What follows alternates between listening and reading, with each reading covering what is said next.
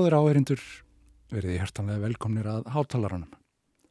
Það má segja að pólski pianistinn Tomas Kamieniak hafi farið varlega að okkur með opnunarlæginu.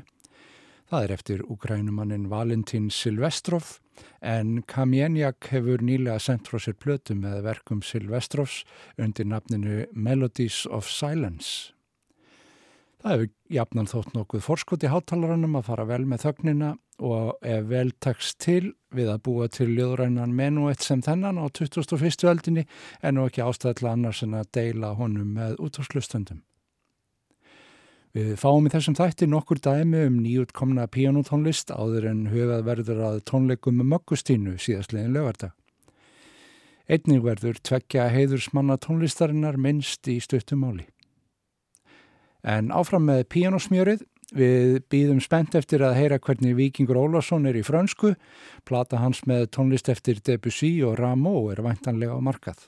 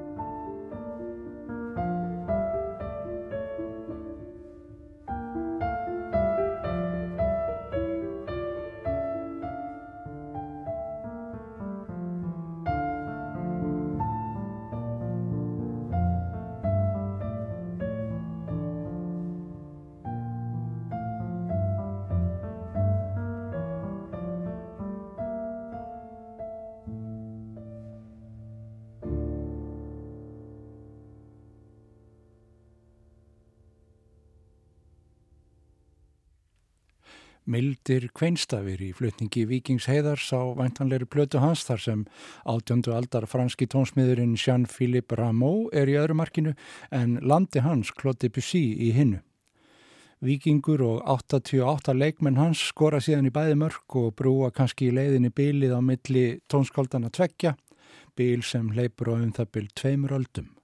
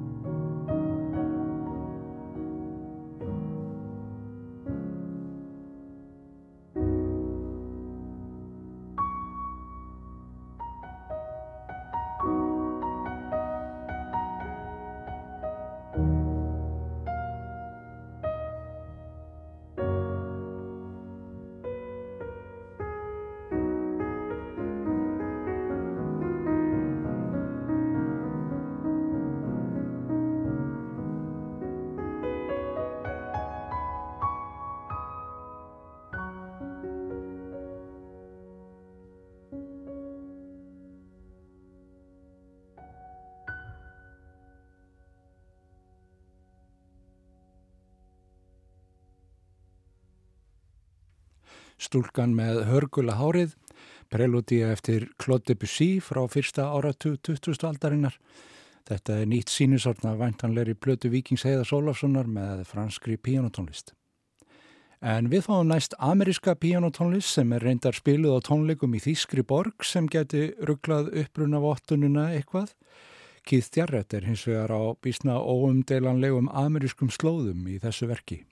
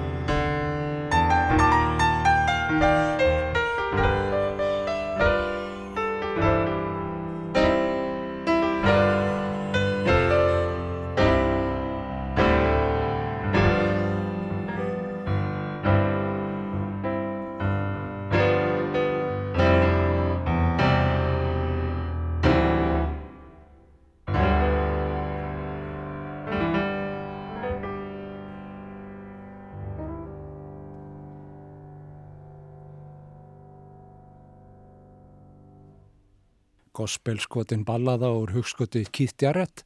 Þetta var til á tónleikum hans í München 2016 og er tilturlega nýkomið út á plötu frá SEM. Jarrett hefur einbitt sér að því að spila einn undanfarið og freista þess að með aðeins aukt blað og hugarflugið að vopni nái hann að toppa sig enn og ný. En við skulum skipta aðeins um gýr og fá næst hluta úr nýlegum pianokonserti eftir breska tónsmiðin, pianoleikaran og hljónsutarstjóran Thomas Ades. Þessi konsert var frumfluttur fyrir rétt tæpu ári og hefur þegar verið fluttur um það byrj 50 sinnum sem er vist einhvers konar met.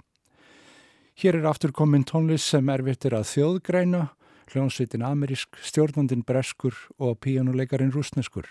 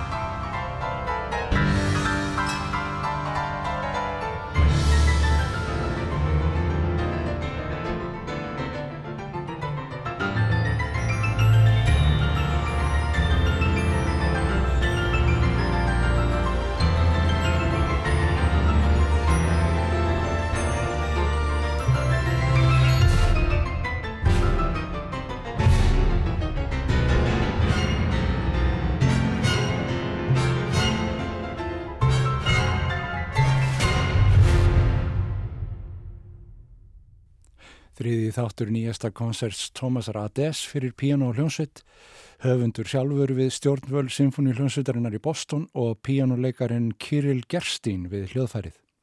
Mikil fljóðvöldasýning hér á ferðinni hvort sem áttir við einlegsljóðfærið eða hljómsveitar hlutan. Og aftur skiptu við um gýr og heyrum fallegt minningarverk eftir Gjörg Kurtak, hér leika Heinz Holliger og klarinettuleikarin Ernesto Molinari saman.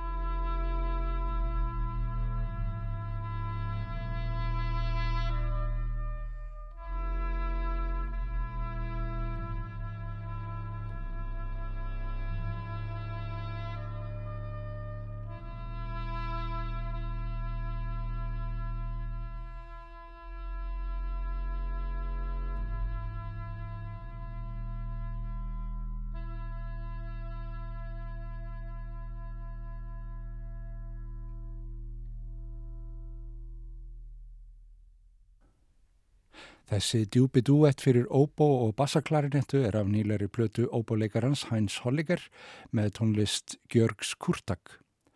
Minningarljóð um Ilónu Rosnei sem ég kann engin skil á en nota þennan áhrifreika duett til að leiða inn í minningu um þann sem hér leikur.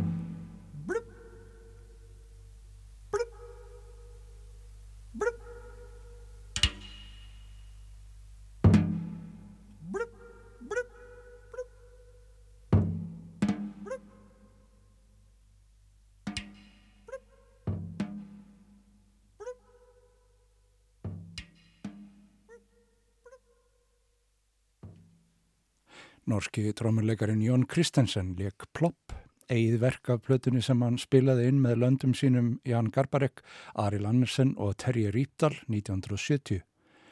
Þá þegar var Jón Kristensen langt á undan sinni samtíð en það áttu sem betur fer margir eftir að taka við útréttu trómmukeplinu af honum og hlaupa mismunandi bóðhlaup í áslætti hjá ECM næstu 50 árin og sér ekki fyrir endan á því. Þessi magnaði listamæður lesta dögunum 76 ára gammal og það er auðvelt að kynna sér listfengi hans. Ein aðferð geti verið að loka augunum og stinga fingrunum inn í ECM-katalógin einhver staðar og sjá með hverjum Jón Kristjansen er að spila þar. En annar merkur frumkvöðl jazz og spunatónlistarinnar fjall einnig frá á dögunum tíu árum yngri en Jón Kristjansen Hljómbúrsleikarin bandaríski Lyle Mays var allt í öllu í hljómsveit félagasins gítarleikarins Pat Smethini þegar þeir komið fram á sjónarsviðið á 8. áratögnum og hann átti eftir að skilja eftir djúb spór í alls konar tónlist. Síðustu árin vann hann þó sem forritari og bjóð til tónlistar hugbúnað því eins og hann sagði í spjalli við Jazz Is útarstöðina 2016 þá fannst honum eins og tónlistin hefði yfirgefið listamennina fyrir ekkar en að þeir sem byggju yfir kunnáttu á fleiri sviðum hefðu yfirgefið tónlistina. Right now I'm more of a software manager than a musician. Uh, I it's not that I have a real desire to leave the music industry. I, I kind of feel like the music industry has left me or left all of us. I mean, I, I can barely recognize the, the landscape out there. And I, uh, I watched as so many of my friends at record companies saw their staffs uh, decimated and they ended up if they had a job at all they were doing the work of five or seven people until the record company itself went belly up or something. So um, I, i've just kind of gone where the economy has gone. Mm-hmm. I mean, people people don't want to pay for music anymore. I could be bitter about that i suppose but i, I have other interests and other skills so i've just kind of moved on. Wow so so is it safe to say that we will not be seeing another Lyle Mays record for a while? Uh, probably. I mean, it, it, depends on funding, I suppose, but um, it doesn't look like the world really wants that. I mean, they might say they want it, but they're not voting with their pocketbooks. Ég þekki valla landslæði í tónlistarheiminum í dag, saði Lyle Mays 2016 Ég hef sjálfur einfallega eld hagkerfið og þess vegna komið mér fyrir í annari grein, hugbúnaðar þróunar. Fólk segist kannski vilja heyra nýju plötu frá mér eða einhverjum öðrum en það er varla marka á því takandi því fólk vil einfallega ekki borga fyrir tónlist lengur.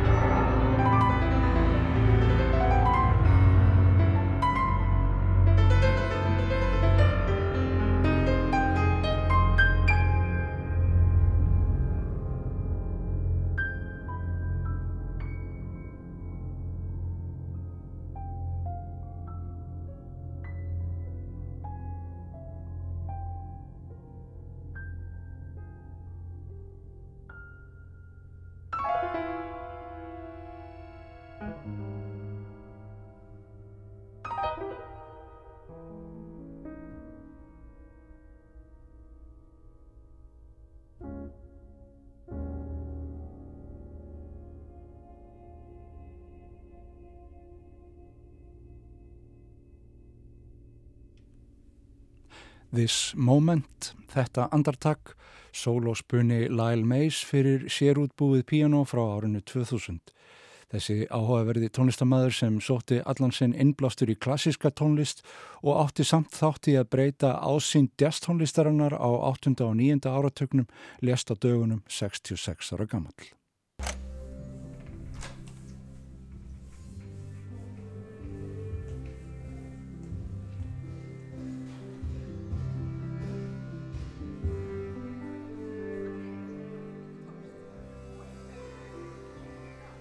Ég fór á tónleika á lögadaginn sem er ekki frásögur færandi frekar en að söngkona þeirra tónleika hitti konu í guðubadi á dögunum.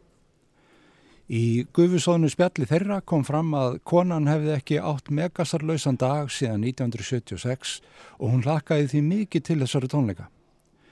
Sjálfur hef ég átt megasarlausa daga, marga raunar, því hann fór bæði fyrir ofangarð og neðan hjá mér um sama leiti og konan í guðubadinu gegst honum hönd. Á þeim tíma sem göldróttur hljóðfærleikur átti hugminn allan rukuð þessir endalösu ílskiljanlegu hljóðabolkar út í veður og vind fyrir ofangarð sem sagt og hljóðfærleikurinn sem fyldi þótti mér oftast hálf karaður fyrir neðangarð sem sagt. En það var þá og er kannski einmitt dæmi um hinn nagandi óþægindi sem markveður list hvers samtíma hefur í förum með sér. Ekki mann ég hvernar ég heyrði möggustínu fyrst syngja tónlist Megasar en engan hef ég heyrt fyrir að síðar koma út úr þeim frumskói með eins falleg blóm. Það var því sérlega viðegandi blómaskrúðið á eldborgarsviðinu á lögadaginn en það var nýttur þar hver úrvalskransin á fætur öðrum. Söngkonan fór fyrir reynd frábæri hljómsveit Tómas Jónsson, Daniel Fridrik Böðvarsson, Jakob Smári Magnússon og Mattias Hemstokk sáu til þess að Maggastína gatt kjarnað sig áhyggjulöst og sendt okkur í salnum bæði umhugsanar efnin í ljóðunum en ekki síður fjölbreyttar laglínurnar sem eru nú ekki allar einfaldar. Það kvarlaði mér að einmitt svona lítur Megas að heyra þetta fyrir sér, jafnvel þegar hann syngur sjálfur. Það ætti ekki að þurfa að tala um útgeislun Brúna mánarnir bláu virtust ná sambandi við hvern og ein, einasta áherenda og þegar sungið var um fölbleika náttkjóla myndi rauðbleiki sviðskjólin á að hitin kemrað innan og fölvi er ekki til í litasafni söngkonunar. Gestagangur var nokkur af þessum tónleikum og ekki skemmti það fyrir. Ditta skálkona fór á kostum og sérlega eftirminnilegur var þríleikur þeirra Sigrunar Eðvalstóttur með möggustínu og brassveitin Lát hún kom líka við sögu og spann skemmtilega útkvarfa sveiplu auk þess að lána saxofónleikara sína í hluta dagskrár. Útgeslun getur líka verið hættuleg geslun og það var eins og það er áttuði sig vel á því Maggastína og Haldóra Geirharsdóttir sem getur þess að nálgast ekki um of á sviðinu. Þar hefði getað orðið kjarnasamrunni sem hefði kannski riðið okkur öllum að fullu. Ekki má heldur gleyma innkomu Björgvin Skíslassonar með sítarinn sem satt í stóískri ró þanga til fílahyrðirinn skipti um gýr og kallaði eftir fleiri sympatískum strengjum. Þá er ótalið framlag kórana sem stækkuði þennan gjörnings og umunaði undir digri handleslu Hilmars Arnar Agnarssonar. Okkur sem vorum sein til að fatta Megas er nokkur vorkun.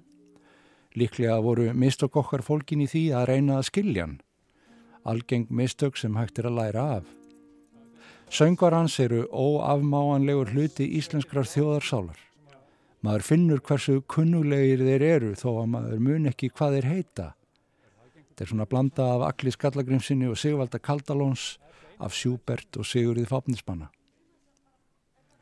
Ætli við séum að missa af boðskap einhvers aftaka megasar í samtímanum er hættan meiri á tímum offrambóðs réttugsunar og falsfretta að við leiðum hjá okkur mikilvægar ónóta tilfinningar. Kanski vegna þess að þær eru ekki umbúðum sem pass okkur. Ég ætla að velta þessu fyrir mér strax og kannski vekja málsáði við sessunaut minn næst þegar ég fer í Guðupað.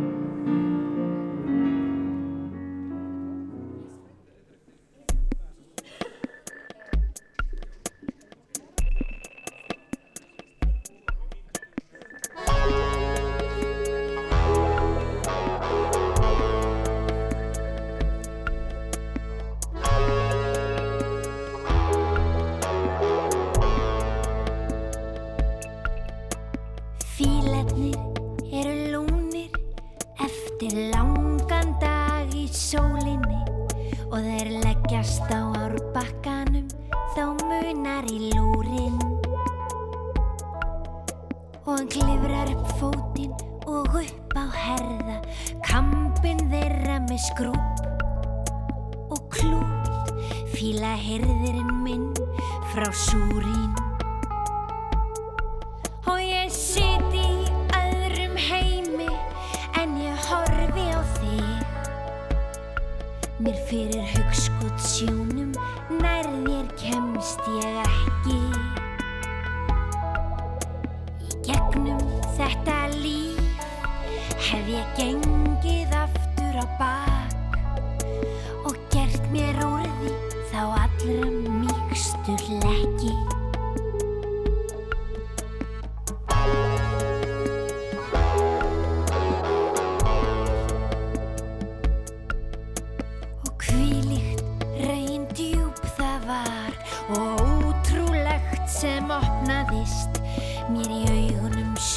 svo fullt af framandi blíðu.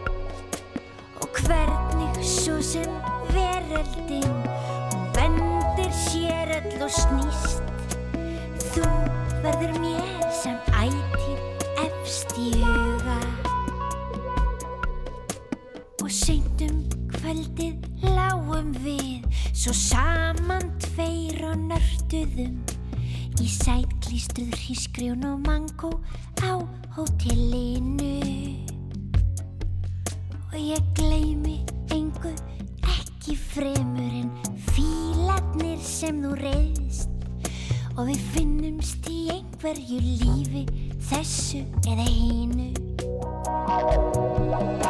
Því að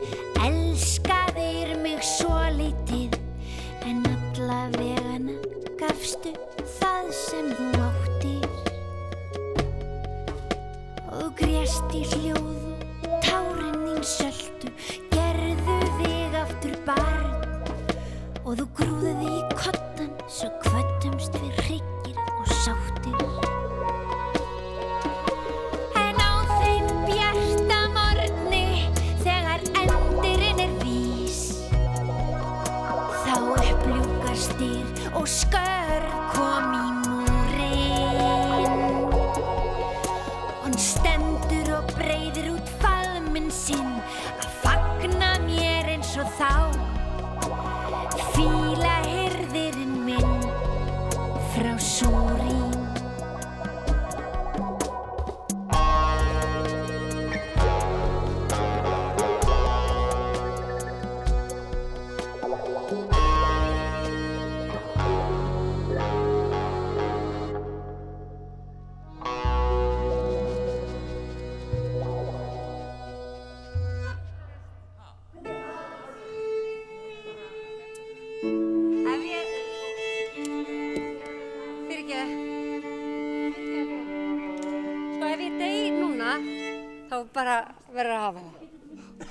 Hún drefur mig. Hver? Sigur hún. Er það? Ég elskar hún svo mikið. Er, sko, ég er, ég veit það að Hvað ætti að láta hann að gera sem er svona hættilega? Nei, hún gerir bara það sem hún gerir, sko. Já. Og það er alveg nóg til þess að, sko, hún geta dá, já, þess að drepa mig.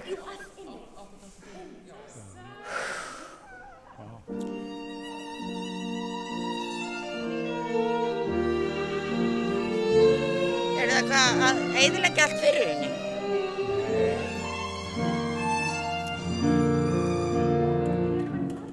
Sko? Er hvort að, er, er ég ekki að fara að syngja það? Jú, Já. Jú. jú, við þurfum eiginlega, Já, við þurfum að hafa hana. Já, svo erum við að koma heilum kór fyrir og eitthvað. já, já, það er nóg að gera. Aðalega á Togga, Toggi er sveittur henni.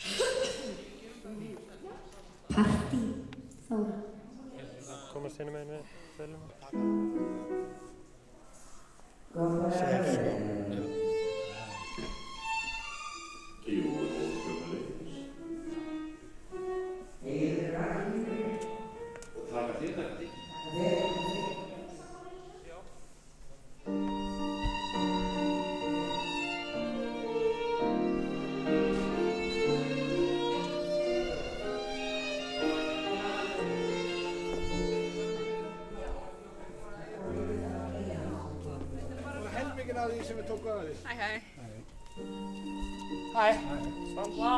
já, þetta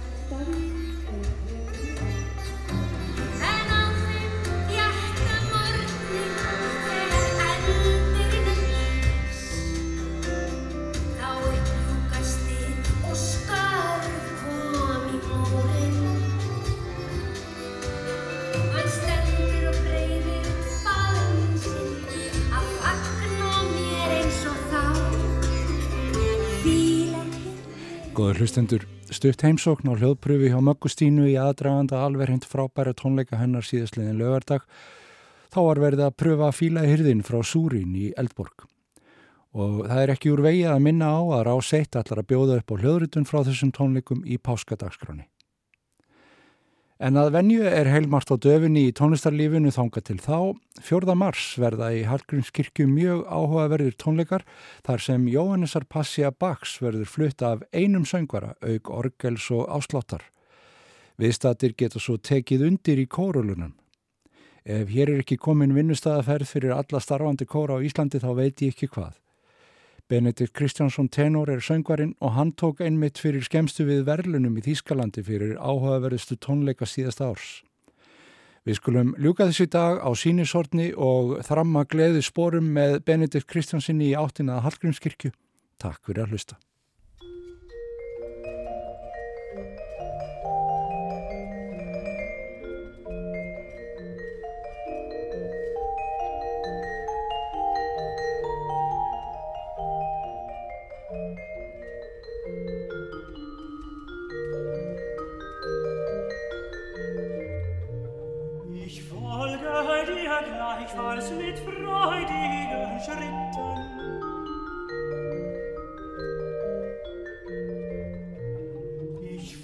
folge dir gleichfalls mit freudigen Schritten und lasse dich nicht, mein Leben, mein Licht, und lasse dich nicht, mein Leben, mein Licht, und lasse dich nicht, mein Licht.